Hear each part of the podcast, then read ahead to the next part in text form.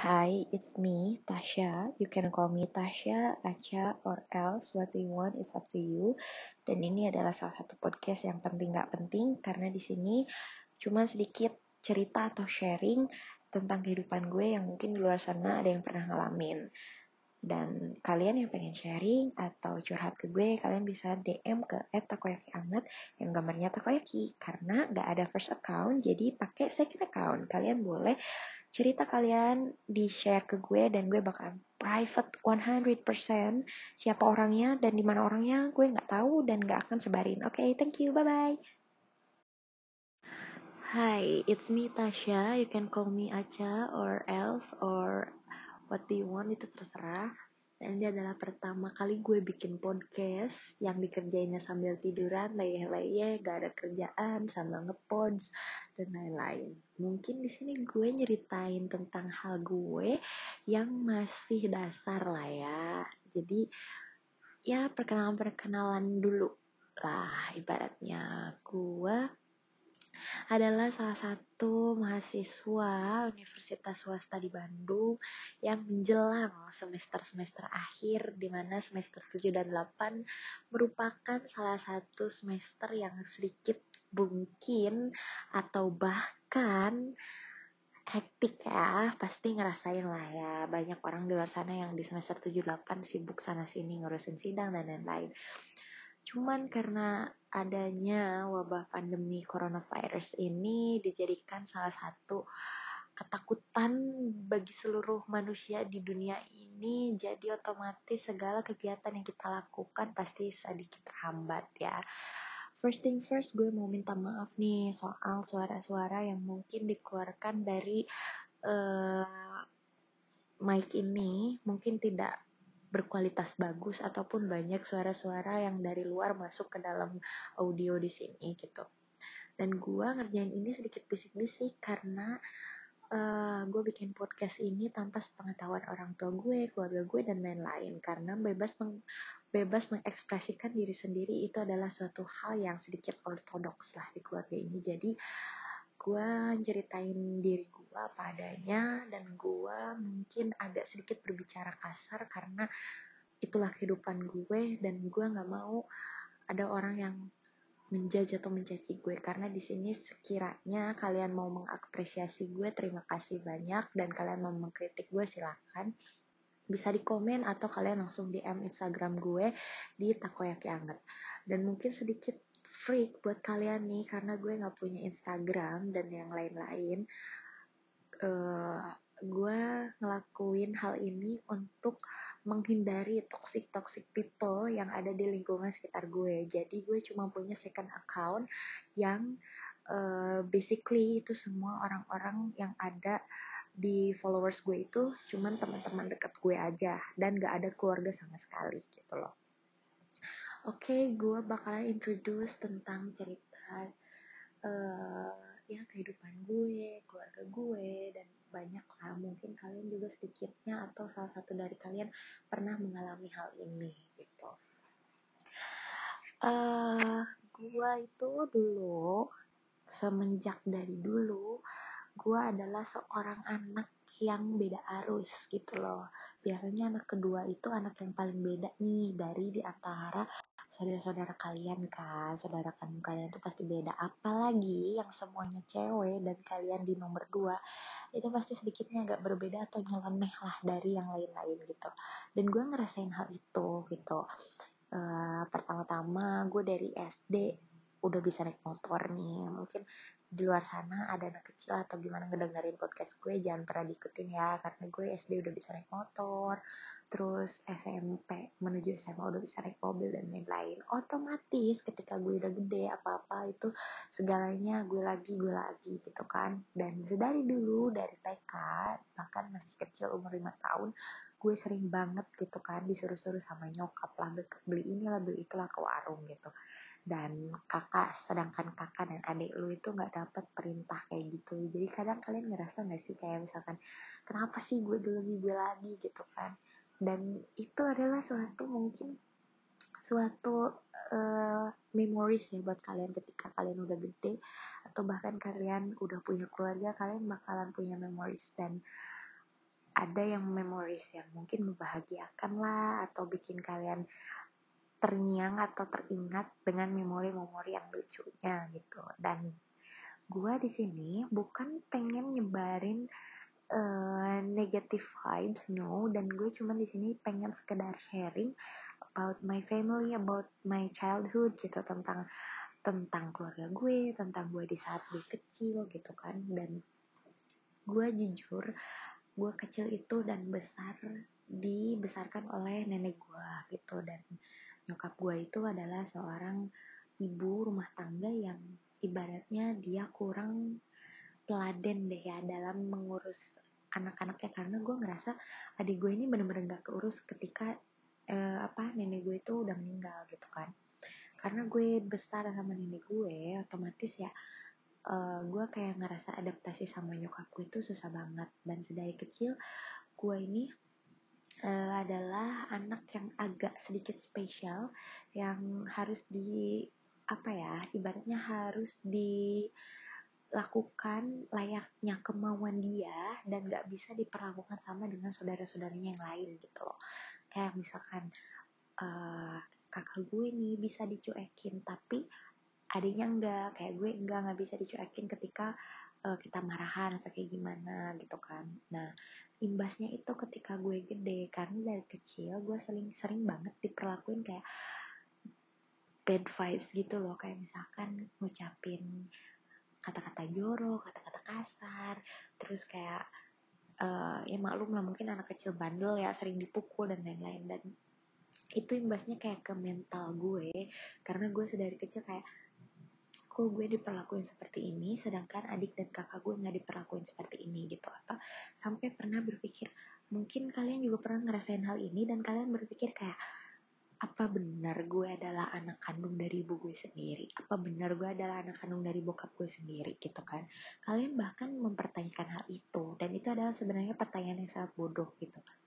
Dan gue beranjak ke dewasa selama ini gue semakin realize nih dari SMA gue kayak kelas 3 SMA tuh lagi masa-masa hektik menuju kalian ke perkuliahan kan. Nah, pas SMA ini gue sering banget sarapan itu gak pernah disediain sama orang tua gue sendiri gitu kan. Otomatis gue harus cari makan sendiri harus nyiapin sendiri gitu. Ininya gue setiap pagi itu uh, sarapan bakwan sama lontong doang nih. Itu realitas gue di saat gue SMA kelas 3 bayangin setiap kelas setiap pagi tuh kayak harus sarapan. Karena sebenarnya gue adalah tipikal orang yang nggak bisa sarapan nih. Cuman gue maksain kan karena kegiatan-kegiatan SMA yang hektik gitu. Otomatis gue harus sarapan plus gue harus bawa bakal makan. Karena di setiap jam 10 pagi itu biasanya SMA kan istirahat nih dan kita satu kelas makan bareng-bareng. Nah buat gue untuk nyiapin makan itu harus memiliki effort yang sedikit lebih besar. Karena gue harus menyiapkannya. Itu lauknya itu harus sehari sebelum gue masuk sekolah gitu. Misalkan sekarang hari Senin nih. Nah gue tuh malam Senin ini tuh harus udah nyari makan. Kayak misalkan gue mau beli, mau beli ayam goreng nih besok buat dibekal gitu. Jadi gue harus otomatis gue harus beli ayam goreng. Dan paginya itu gue harus ngegoreng lagi dan diangetin lagi terus gue bakal ke sekolah kayak gitu kan ibaratnya. Nah, otomatis gue karena setiap pagi itu gak bangun jam 5 dan gue ini adalah tipikal orang yang pemalas, jam setengah 6, jam 6 gue baru bangun dan gue kan males nih buat nyiapin sarapan sarapan gitu. Kayak misalkan aduh capek nih gini kan. Sudah sewajarnya dong orang tua menyiapkan sarapan anaknya atau menyiapkan bekal anaknya ya gak sih? Nah udah dari situ gue harus nyiap-nyiapin banyak hal banget dan capek banget buat gue. Ininya gue bakal ayam goreng yang udah alot banget kan. Karena digorengnya tuh sehari semalam eh, semalamnya itu malamnya kan malam sebelum hari H gitu. Gue udah udah makan tuh oh, dan juga nasinya juga itu nasi yang bekas kemarin malam. Otomatis kalau dimakan pagi-pagi atau dimakan siang hari itu udah bau dan agak kuning plus kering gitu loh. Nah udah lah ya namanya anak SMA banyak derita dan lain-lain. Jadinya gue makan bareng-bareng tuh pas istirahat SMA ketika gue ngeliat bekal teman-teman gue mereka masih fresh ayamnya masih wangi ayam masih segar dan ada satu anak ini kayak memang dia anak tunggal dan disayang sayang banget sama orang tuanya. Sampai-sampai si bekalnya itu masih baru aku masih inget dan itu tuh kari ayam gitu wanginya parah semerbaknya parah. Itu kayak gue langsung ngadep ke belakang dan gue kayak berkaca-kaca banget gitu kan kenapa sih gue kayak gini? Gitu kan. Kenapa orang tua gue kayak gini? Dan segitu susahnya ya gue dan segitu rumitnya ya gue buat nyiapin sarapan ya. Dan gue berharap kayak please deh orang tua gue kenapa sih kayak gitu? Dan gue cuma pernah sekali kalinya dan gue masih ingat itu uh, bekal yang disiapin oleh tante gue dan itu masih bagus banget. Platingnya di di apa sih di tupperware-nya itu platingnya bagus banget terus kayak nasinya dibentuk dengan sedemikian rupa.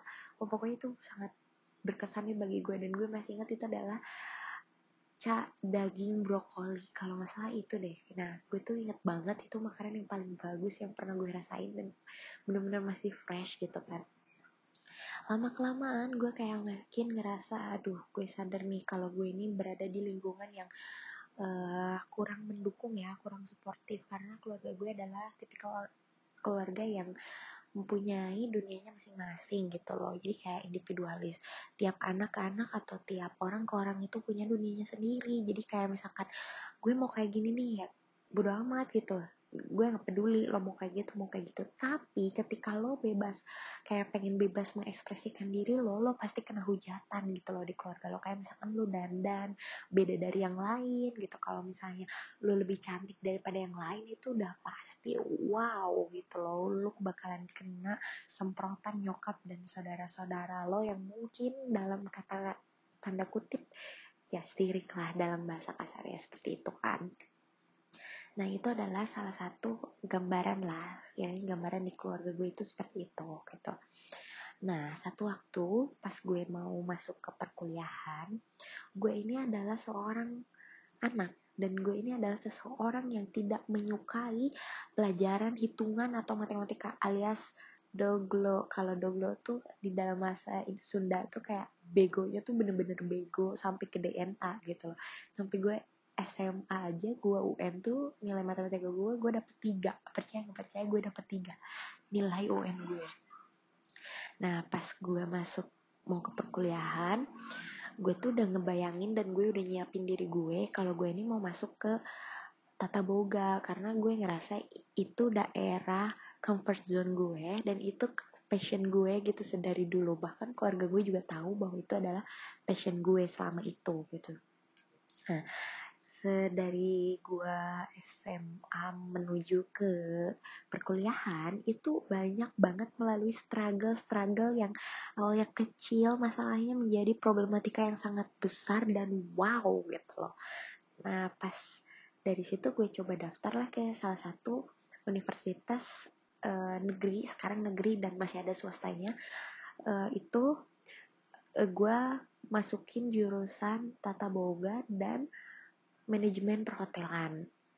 Nah gue di situ udah disumpahin sama nyokap gue bilang kayak gini mau bagaimanapun juga mama gak restuin kamu gak masuk dan mama doain kamu gak akan masuk ke universitas ini gitu loh. Ininya gue coba nih daftar dengan uang sendiri kayak misalkan pendaftaran kesehatannya pakai uang sendiri kayak bla bla bla semuanya itu pakai uang sendiri. Singkat cerita gue udah ujian gue udah nginep berapa hari di Bandung udah dari situ. Dan jawaban dari si hasil tes itu adalah gue nggak keterima. Dan di situ nangisnya pengen kayak ditahan tapi kayak please please please jangan nangis jangan nangis gitu loh. Dah dari situ gue udah hopeless gak mau lagi ada apa-apa. Ini gue cerita nih ke temen gue dan bilang gimana caranya gini gini gini gini. Terus temen gue menganjurkan coba deh cari beasiswa kali aja kalau misalnya anaknya dapet beasiswa orang tua lo bisa bangga gitu kan. Ini gue carilah beasiswa. Beasiswanya itu kebetulan gue coba ikut beasiswa ke luar negeri dan salah satu universitas di Switzerland dengan jurusan culinary art gitu loh. Gue coba deh ujian-ujian-ujian dan ujiannya tuh udah lakukan online. Nah udah gue masuk adalah representatif dari Indonesia eh dari ya dari Indonesia. Untuk ibarnya kayak apa ya dia itu adalah sebagai uh, calo bukan calo sih jadi jatuhnya kayak dia ini perwakilan dari Indonesia untuk menyalurkan anak-anak Indonesia itu ke universitas di Switzerland sana gitu. Ini gue di WhatsApp dan dia nanya sama gue gimana nih Tasya kelanjutannya? Gini gini gini gini. Terus gue bilang aduh belum bilang nih sama ibu gini gini gini gini gini. Oh ya udah cobain aja bilang mau saya ngobrol apa gimana kan? Terus gue cerita kayak misalkan gue menghadapi struggle ini ini ini ini, ini gitu. Terus endingnya gue coba nih ngeprint si blanko hasil gue lulus di universitas itu dan nyodorin ke nyokap gue. Endingnya gue malah dicaci maki sama nyokap gue bilang kayak gini apaan ini? Beasiswa macam apa? Katanya kamu mau kamu nanti di luar negeri dijual katanya. Mama aja nggak tahu ya ini universitasnya di mana gimana seperti apa akreditasinya katanya gitu. Dan lain-lain. Dan ini apa? Jurusannya culinary art? Nggak jelas banget. Kamu mau jadi apa di dapur babu doang?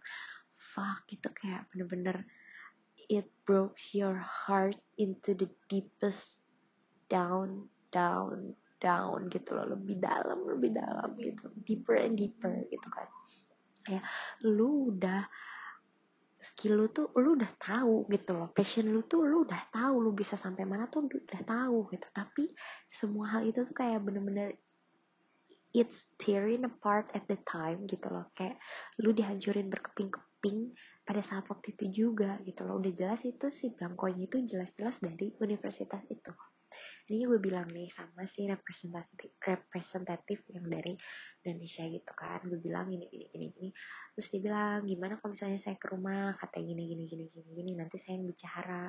Terus ini ya nyokap gue bilang kayak gini ngapain kamu itu orangnya penipuan? Gini gini gimana nanti kalau misalnya mama dihipnotis bla bla bla bla bla bla Gak deh terus ini gue coba bilang ke si representatif ini aduh bu kayaknya enggak. Kalau misalnya maksain gini gini gini gini gini. Terus dia bilang lu sayang banget ya Tasya katanya kalau misalnya kamu uh, masuk ke universitas ini enak loh. Kamu tinggal bawa diri aja tinggal bawa badan.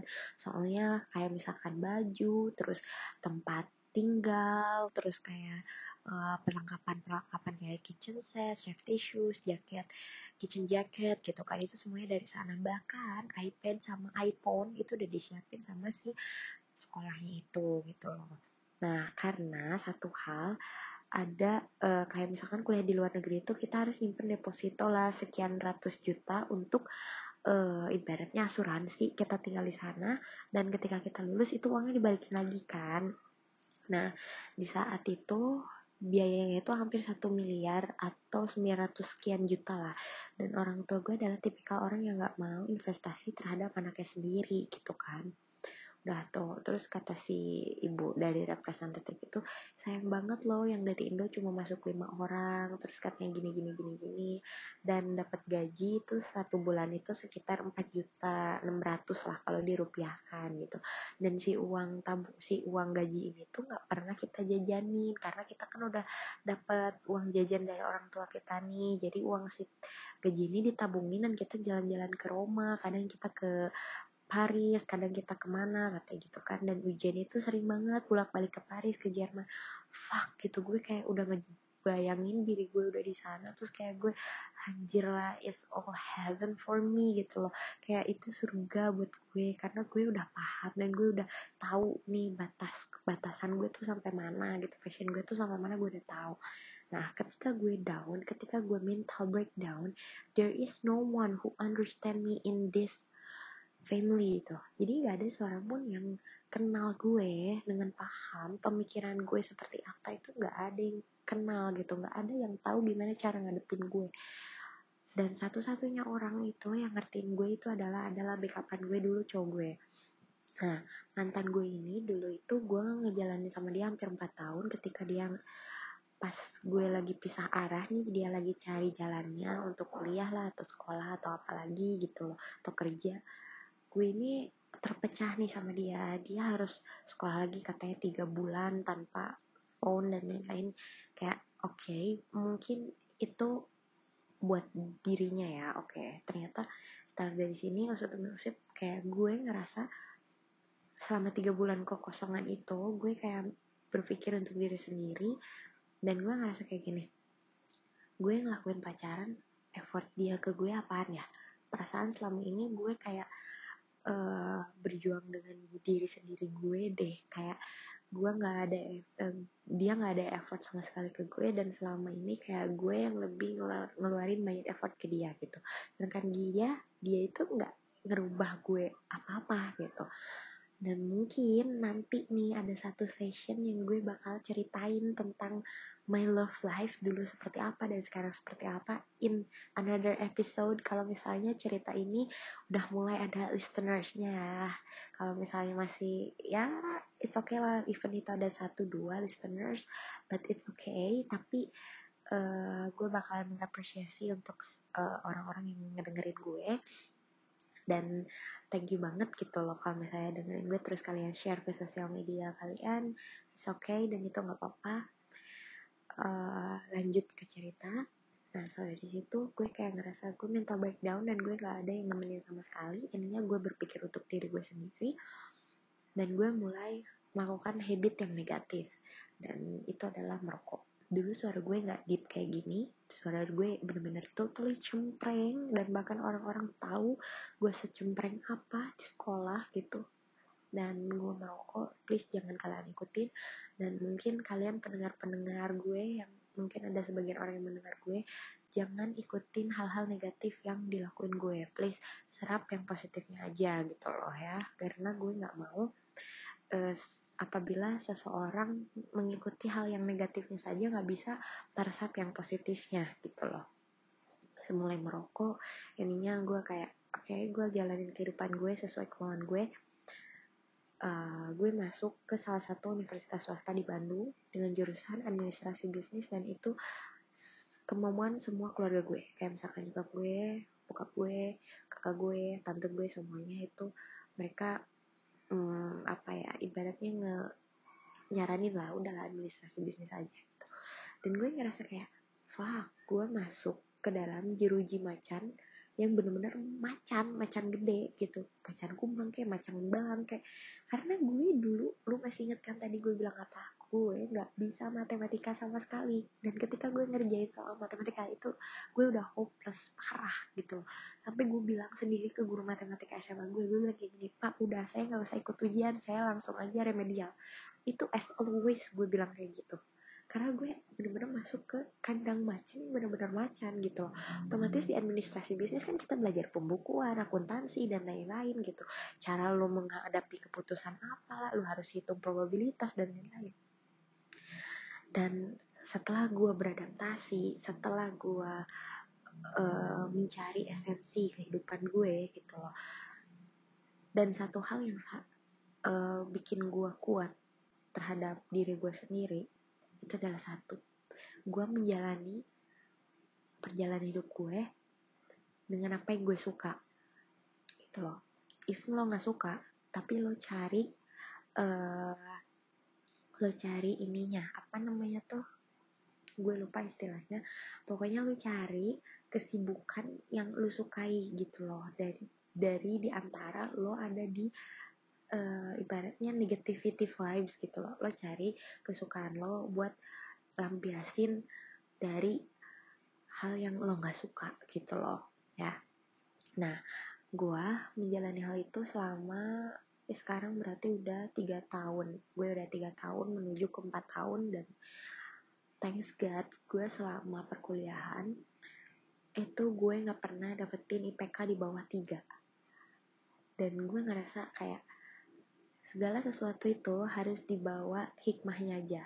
Dan gue berpikir karena gue otak gue udah terbuka gue kayak oke okay, gue nggak bisa dapetin nih gue di jurusan tata boga mungkin nanti suatu saat di masa depan nanti gue bisa ngambil S2 dengan jurusan tata boga or culinary art or gastronomy or else yang penting gue masak.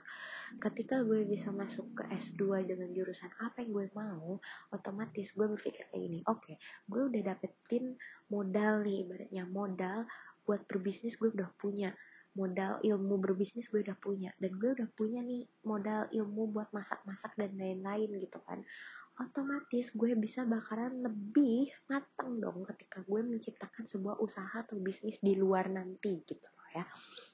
Gue selalu membawa esensinya gitu loh. Esensi yang positifnya ke kehidupan gue.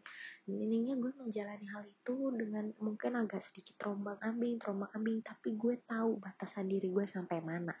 Dan mungkin nanti suatu saat kalau misalnya podcast ini menyebar buat orang tua gue please dengerin gue nggak pernah ngelakuin hal yang negatif dan merugikan orang lain. I have never. Dan gue nggak pernah ngajarin orang buat ngelakuin hal buruk. Bahkan gue sendiri tahu batasan diri gue itu nakal gue itu sampai mana. Dan gue di sini cuma sekedar merokok. That's all. Oke? Okay? gue nggak pernah ngelakuin hal yang di luar sana. Mau orang luar sana membicarakan gue adalah cewek yang nggak benar silahkan I don't even fucking care. Gue nggak peduli tentang orang yang membenci gue menjulitin gue mau ngomongin gue. A B C D E F G. Gue nggak nggak peduli. Bodo amat anjing. Serah lu. Lu mau menilai seperti apa. Tapi gue nggak pernah mencibir orang dengan sebegitunya. Karena gue ngaca sama diri gue sendiri. Apa bagusnya gue sehingga gue bisa mencaci maki orang lain gue tahu di dunia ini nobody's perfect in here right Tuhan gak pernah nyiptain manusia yang sebegitu sempurnanya ganteng kaya raya banyak duit terus halaknya baik layaknya malaikat Gak ada coy, gak bakalan ada. Pasti nobody's perfect in this hell world gitu loh. Karena ya, ketika lu membicarakan orang lain, apa sih yang lu dapet? Yang ada dosa lah. Iya gak sih?